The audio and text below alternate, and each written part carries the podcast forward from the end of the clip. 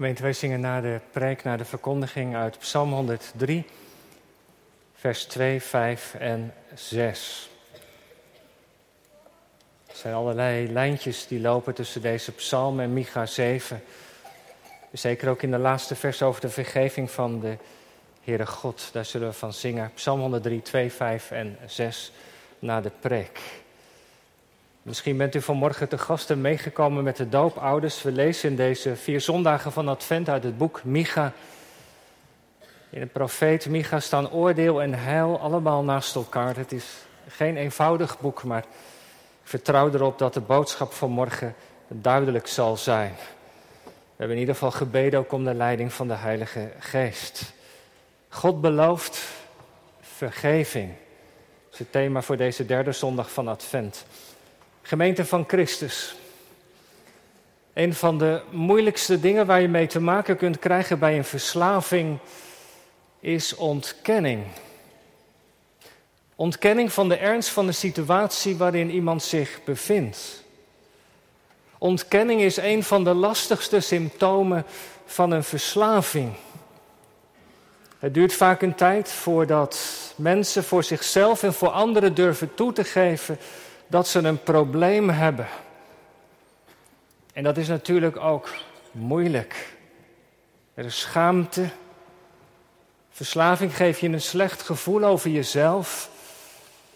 Je stelt jezelf teleur, je kunt je immers niet beheersen. Je doet anderen verdriet en soms breng je ze ook in de problemen. Je houdt je niet aan de afspraak, je bent zo gefocust op die verslaving dat alles ervoor moet wijken. Adviezen landen niet echt. Een van de moeilijkste dingen van een verslaving is ontkenning. En zolang iemand zijn of haar probleem niet erkent, kun je weinig voor die ander betekenen. En soms is het nodig dat iemand eerst de bodem raakt, vastloopt, voordat er iets gaat veranderen. Ontkenning dat is waar de profeet Micha mee heeft te maken. Het volk Israël is verslaafd. En ondanks de woorden van God leeft het volk in ontkenning. In het voorgaande hoofdstuk van het boek heeft Micha daar uitgebreid over gesproken. Die verslaving van Israël betrof in ieder geval drie dingen. Er was het probleem van de afgoden, goderij. De aantrekkingskracht van de goden van Canaan, Baal, als start en anderen. Ze beloofden welvaart, vruchtbaarheid, succes, voorspoed. Je zou de wind in je leven mee hebben, maar die goden vroegen ook grote offers aan tijd, aan geld, aan toewijding. En de mensen waren ervoor gewaarschuwd. Want in afgodendienst is één ding zeker, je raakt erin verstrikt. Je komt er niet zo gemakkelijk los van, je raakt gebonden. Als je eenmaal meedoet, zo moeilijk om er van los te komen. En dan het tweede probleem van immoraliteit, onzedelijk gedrag. Naarmate je zelf meer vrijheden veroorlooft, vervagen de grenzen. En dat zag Micha gebeuren. Mensen schuifden op, je gaat mee. Je hebt de eerste stap gezet, er volgen nog anderen. Het gaat steeds gemakkelijker. De stem van je geweten vervaagt. En je doet wat God eigenlijk verboden heeft, wat hem verdrietig maakt. En dan het derde, het probleem van het onrecht. Mensen doen elkaar tekort. Eerst ik en dan de ander. En de sociale verbanden, het omzien naar elkaar, het brokkelde allemaal af. En wie leden er het meest, dat waren weduwen, wezen, kwetsbare mensen. Ze delfden het onderspit. Maar Israël was het volk van God. Het was zijn oogappel. God had dit volk uitgekozen, het uit Egypte gehaald, geboden gegeven, in het beloofde land gebracht. Wat had hij niet voor zijn volk gedaan? Het was Gods proeftuin, Gods wijngaard. Als andere volken naar Israël zouden kijken, dan zouden ze kunnen zien hoe het leven met deze God eruit zag, eruit zou zien. Hoe een leven is onder de zegen van God. Een wandel in de liefde. Dat zouden de vruchten zijn die andere volken zouden kunnen proeven. En daartoe was Israël geroepen, maar, maar het lijkt erop, zo vertelt Micha ons, dat Israël God heeft opgegeven. En het volk is verslaafd geraakt aan zichzelf. En leeft in voortdurende ontkenning. En de mensen die, die wel trouw willen zijn aan God, zoals hij, zoals de profeten, die hadden het geweldig moeilijk. Ze hadden het zwaar. In hoofdstuk 2, versen 6 tot 7 horen we het volk namelijk verzuchten.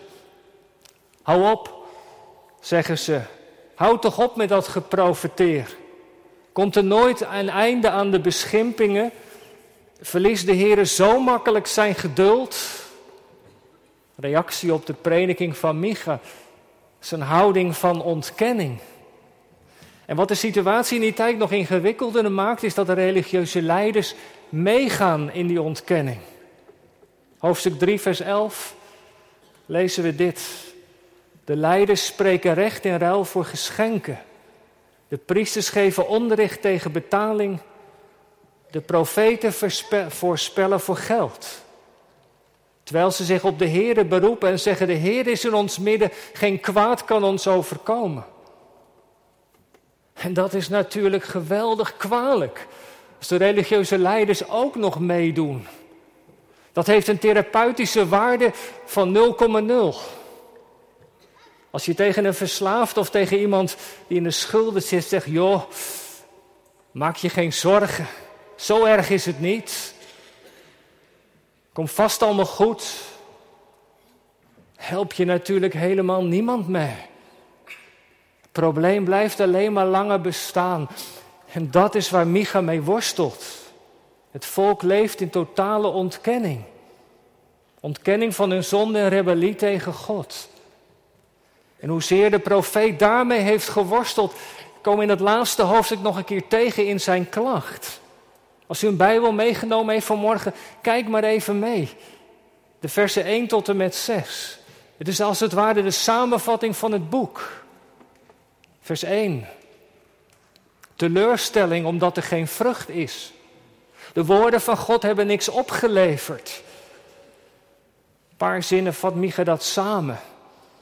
Hij ziet geen vruchten meer van geloof, van toewijding. Vers 2. Goede tieren, mensen, mensen die betrouwbaar zijn, zijn nauwelijks nog te vinden. Men staat elkaar naar het leven. Vers 3. Er wordt recht gesproken tegen betaling. Wie macht heeft, kruiwagen, kan veel bereiken. Feiten worden verdraaid. Vers 4. De mensen zijn als een doornstraak prikkelbaar. Ze hebben een kort lontje. Vers 5. Vriendschappen worden aangetast. Mensen laten elkaar vallen. Zelfs je beste vriend kun je niet opbouwen. Vers 6. Zelfs in de gezinnen is er gedoe. Conflicten, ruzie aan de lopende band. Wat een klacht, gemeente. Zo negatief. En misschien voelen we allemaal met elkaar wel mee van morgen Micha. Dat is wel erg negatief, zeg. Want, ja, zeg nou zelf, iemand die klaagt, die ziet alles toch van de sombere kant. We kennen wel mensen die klagen, bij hen is het glas altijd leeg of half leeg. En zullen er geen mensen geweest zijn die de Heer wel trouw waren? Natuurlijk, gelukkig wel die zijn er ook geweest, ook in de periode van Micha. Een stem klinkt in de psalmen, de stem van de profeet. Is altijd een rest geweest die het waagde met de woorden van God. Maar de algemene tendens is anders. Het volk zit op een hellend vlak. Velen hebben God opgegeven en leven in ontkenning. Ontkenning van hun verslaving. En de consequenties zijn niet gering. De samenleving brokkelt af, de problemen stapelen zich op, het onderlinge wantrouwen, cultuur van onbehagen en nota bene. Er staat een grote catastrofe voor de deur. De Assyrische volk trekt op. Ze staan aan de poorten van het land. Ze zullen binnenvallen, steden verwoesten, mensen doden. En gemeente, als je nou die boodschap van de profeet Micha zou moeten samenvatten in één zin, dan is het denk ik dit. Wie God verlaat, heeft smart op smart te vrezen. Een land, een samenleving, een cultuur die met God geen rekening houdt of God vaarwel gezegd heeft, daarin is alles geoorloofd. Dat zei Dostoevsky al. En die krijgt met de gevolgen te maken, want, want als God zijn zegen en zijn bescherming intrekt, moet je zin denken. Als God zich terugtrekt, dan zal de ene crisis naar de andere gaan komen. Dan zullen de grondslagen van de samenleving gaan wankelen. Dan wordt het crisistijd. Als Micha, als wij door de bril van Micha naar vandaag de dag zouden kijken, als Micha hier zou rondwandelen, dan zou hij dat ook zeggen. Het is crisistijd en we zien het. In de politiek, in de economie, in de samenleving, in het klimaat, in het milieu. De onderlinge saamhorigheid die verbrokkelt. Als mensen voor zichzelf gaan, gaat het altijd ten koste van een ander. Kwetsbare mensen, mensen die een handicap hebben, die alleen zijn, bij wie het tegen zit in het leven. Als, als nou de diepste vrijheid is. Dat ik ben die ik wil zijn. Dat ik leef zoals ik wil leven. Dat ik mijzelf op de eerste plaats zet. Ja, dan is een samenleving op weg naar het einde. Is het einde zoek. Als God, niet God het voor het zeggen heeft, maar de mens, dan gaat de samenleving en cultuur, ja zelfs een kerk, haar ondergang tegemoet. En in al die dingen die gebeuren, ziet Micha in zijn boek verwoordt hij dat, ziet hij het oordeel van God zich voltrekken. En dat oordeel is, is dat hij dat volk en dat hij mensen overlaat aan hun eigen begeerten en verlangens. En dat is het oordeel van God. Hij laat je over aan jezelf. Nou, berg je dan maar. En dat was, dat was geen populaire boodschap in die tijd. En dat is ook geen populaire boodschap om te horen. Want als je verslaafd bent aan de zonde of aan wat anders, dan, dan zal je dat natuurlijk ontkennen. Maar stel dat Micha wel gelijk heeft. En we zien vandaag op zoveel fronten, in al die problemen die er zijn, die oordelen van God zich voltrekken, dat Hij zijn zegen, zijn bescherming terugtrekt. De crisis die we zien, allerlei terreinen van het leven. We daarin het oordeel van God moeten zien, omdat Hij aan de zijlijn is gezet, omdat we Hem opgegeven hebben. Ja, dat is toch het einde verhaal, of niet? Sombere profeet. Dan valt er toch niet zo heel veel meer te doen. Als wij met elkaar op een zinkend schip zitten dat naar de ondergang gaat, wat staat ons überhaupt nog te doen? Niet veel. Sombere boodschap. En weet u wat nou zo het verrassende is van de profeet Micha? Dat dat toch niet de grondteneur is van zijn boek. Ondanks de klacht van het begin van dit hoofdstuk eindigt de profeet met een woord van hoop. Hoe kan dat?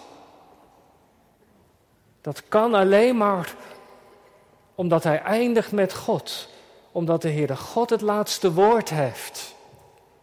Want ook al leef je in een moeilijke tijd, toen, nu, en gaat het oordeel van God over een volk, een cultuur, een kerk, dan nog kun je hoopvol in de wereld staan. Je kunt de cultuur niet zomaar veranderen. Maar er is iets wat je kunt doen, dat laat Micha zien. En ik wil drie dingen onderstrepen vanmorgen. Drie dingen die hij ons aanraakt. Om toch in al die moeilijke dingen die we meemaken, hoopvol te kunnen leven. Vers, vers 7, vers 9 en vers 18. Vers 7, dat is het eerste. Kijk maar even mee, wat zegt hij na die klacht? Als hij om zich heen allerlei dingen ziet gebeuren. Ik zal uitzien naar de Heer, ik zal wachten op de God van mijn heil. Mijn God zal mij horen. Ondanks die algemene tendens van ontkenning van God, hem aan de zijlijn zetten, blijft Micha uitzien naar de Heer. God zal hem horen. Hij is de God van het heil. Ook in de moeilijke situatie van die tijd, zegt Micha, Micha, blijft God werken. God laat niet los wat zijn hand begon. Dat is bijzonder. Dat is wat hij heeft beloofd. Lijkt me belangrijk, gemeente. Hoe moeilijk de don en donker de tijd kan zijn waarin een mens leeft. Hoeveel moeilijke dingen in je eigen leven die er misschien gebeuren. Een christen mag altijd blijven wachten. Wachten op God. Mijn God zal mij horen. In dat vertrouwen mogen wij leven. In dat geloof mogen wij ons inzetten. Voor de stad, samenleving, mensen om ons heen. Weet u het nog vorige week? Micha 6, vers 8. Wat vraagt God van ons? En dat zei hij tegen dat volk in die moeilijke tijd, in dat leven in ontkenning. Wat vraagt van God van ons? Recht doen, trouw betrachten en nederig te wandelen met je God. Dat is je dus gewoon inzetten voor de stad. Voor de mensen met voedsel, met een luisterend oor, een bezoekje, een gebed. Vanmorgen gevraagd, een kaartje. En waarom? Omdat God dat van ons vraagt. Niets anders dan liefde zaaien en wachten op God. Wat gedaan is uit liefde voor, voor Jezus, dat zal blijven bestaan. Werp je brood uit op het water. Je zult het vinden na vele dagen. Mijn God zal mij horen. Dat is het vertrouwen wat we mogen hebben. Tweede, vers 9. Dan zegt Micha iets indringends. Ik zal de toren van de Heere dragen, want ik heb tegen hem gezondigd. En wat Micha in deze woorden laat zien is belangrijk. Want hij wijst niet met de vinger naar de anderen. Al die problemen, dat jullie eigen schuld. Had je maar naar God moeten luisteren. Het risico van zo'n houding, dat voelen we wel, is natuurlijk hoogmoed. Dat je verheft boven de mensen. Dat je aangeeft wat er bij die ander allemaal fout zit. Maar we weten, als je met één vinger naar iemand wijst, wijzen de drie naar jezelf. Nee, dat doet Micha dus niet. Hij deelt in de schuld, in de afbraak en in het verval. Ook ik heb gezondigd. Geen excuus, geen ontkenning. Ook op mij valt van alles aan te merken, zegt Micha. En gemeente, ik denk dat dit een belangrijke grondhouding is. Wij staan niet boven mensen, maar naast ze. Ook wij als gelovigen zijn mensen, helaas, die zondigen. U, jij en ik. En zometeen mogen wij vier kinderen dopen. En het doopformulier zegt dat ook zo. Dat wij en onze kinderen vallen onder het oordeel van God. En dat merk je bij een doopgesprek en in een doopdienst ook. Dat zijn heftige woorden. Dat zijn woorden die schuren. En tegelijkertijd weten we ook dat het waar is. We hoeven onze kinderen niet te leren om te zondigen, dat doen ze vanzelf wel. Helemaal geen moeite voor nodig. Nee, we moeten hen juist leren.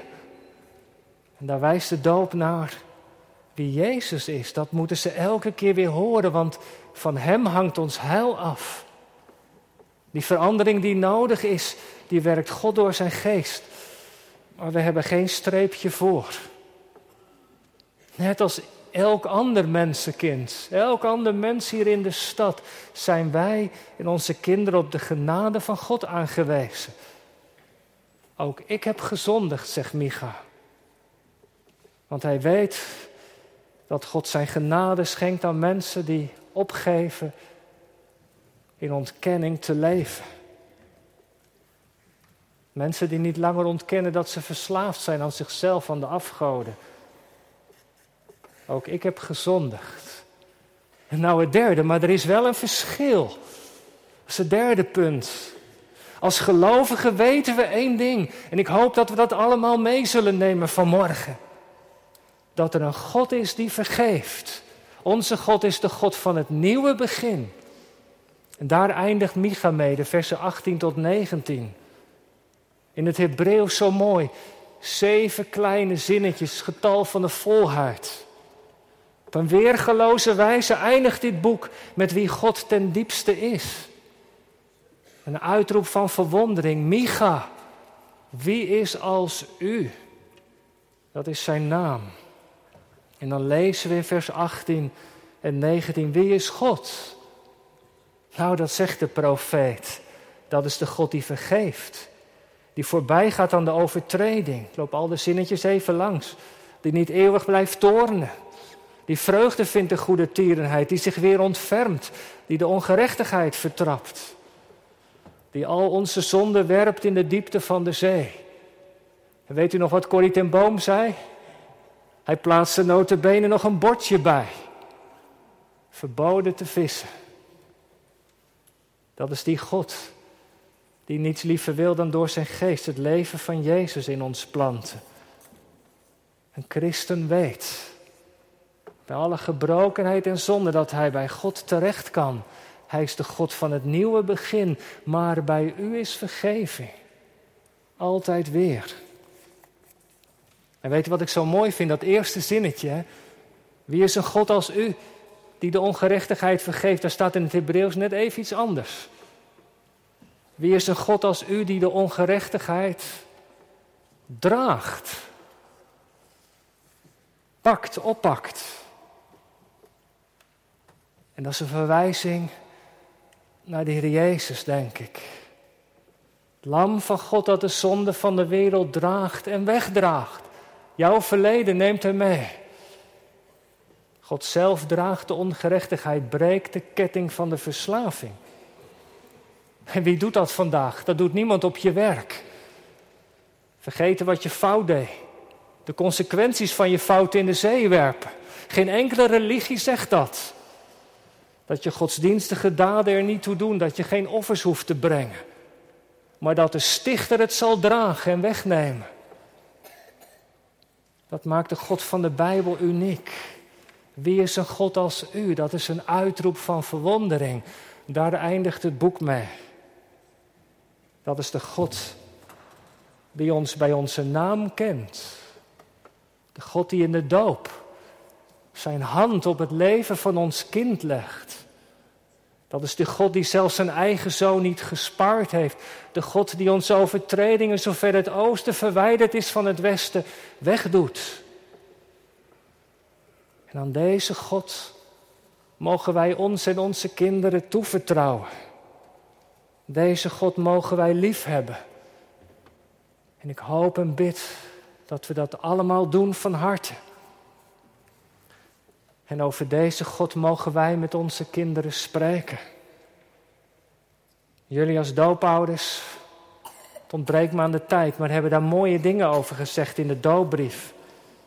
Over God die zijn hand op het leven van jullie kind legt. De God die trouw is wat hij heeft beloofd. En weet u, kijk nog even naar het laatste vers. Het eindigt met, met een belofte. Al aan Abraham had God gezworen trouw te zijn. Zo blijft God trouw aan Israël en dankzij de Jezus aan ons. Dat is een belofte van meer dan duizend jaar geleden, maar die heeft hij vervuld. En Micha herinnert het volk daaraan en wij horen dat vanmorgen.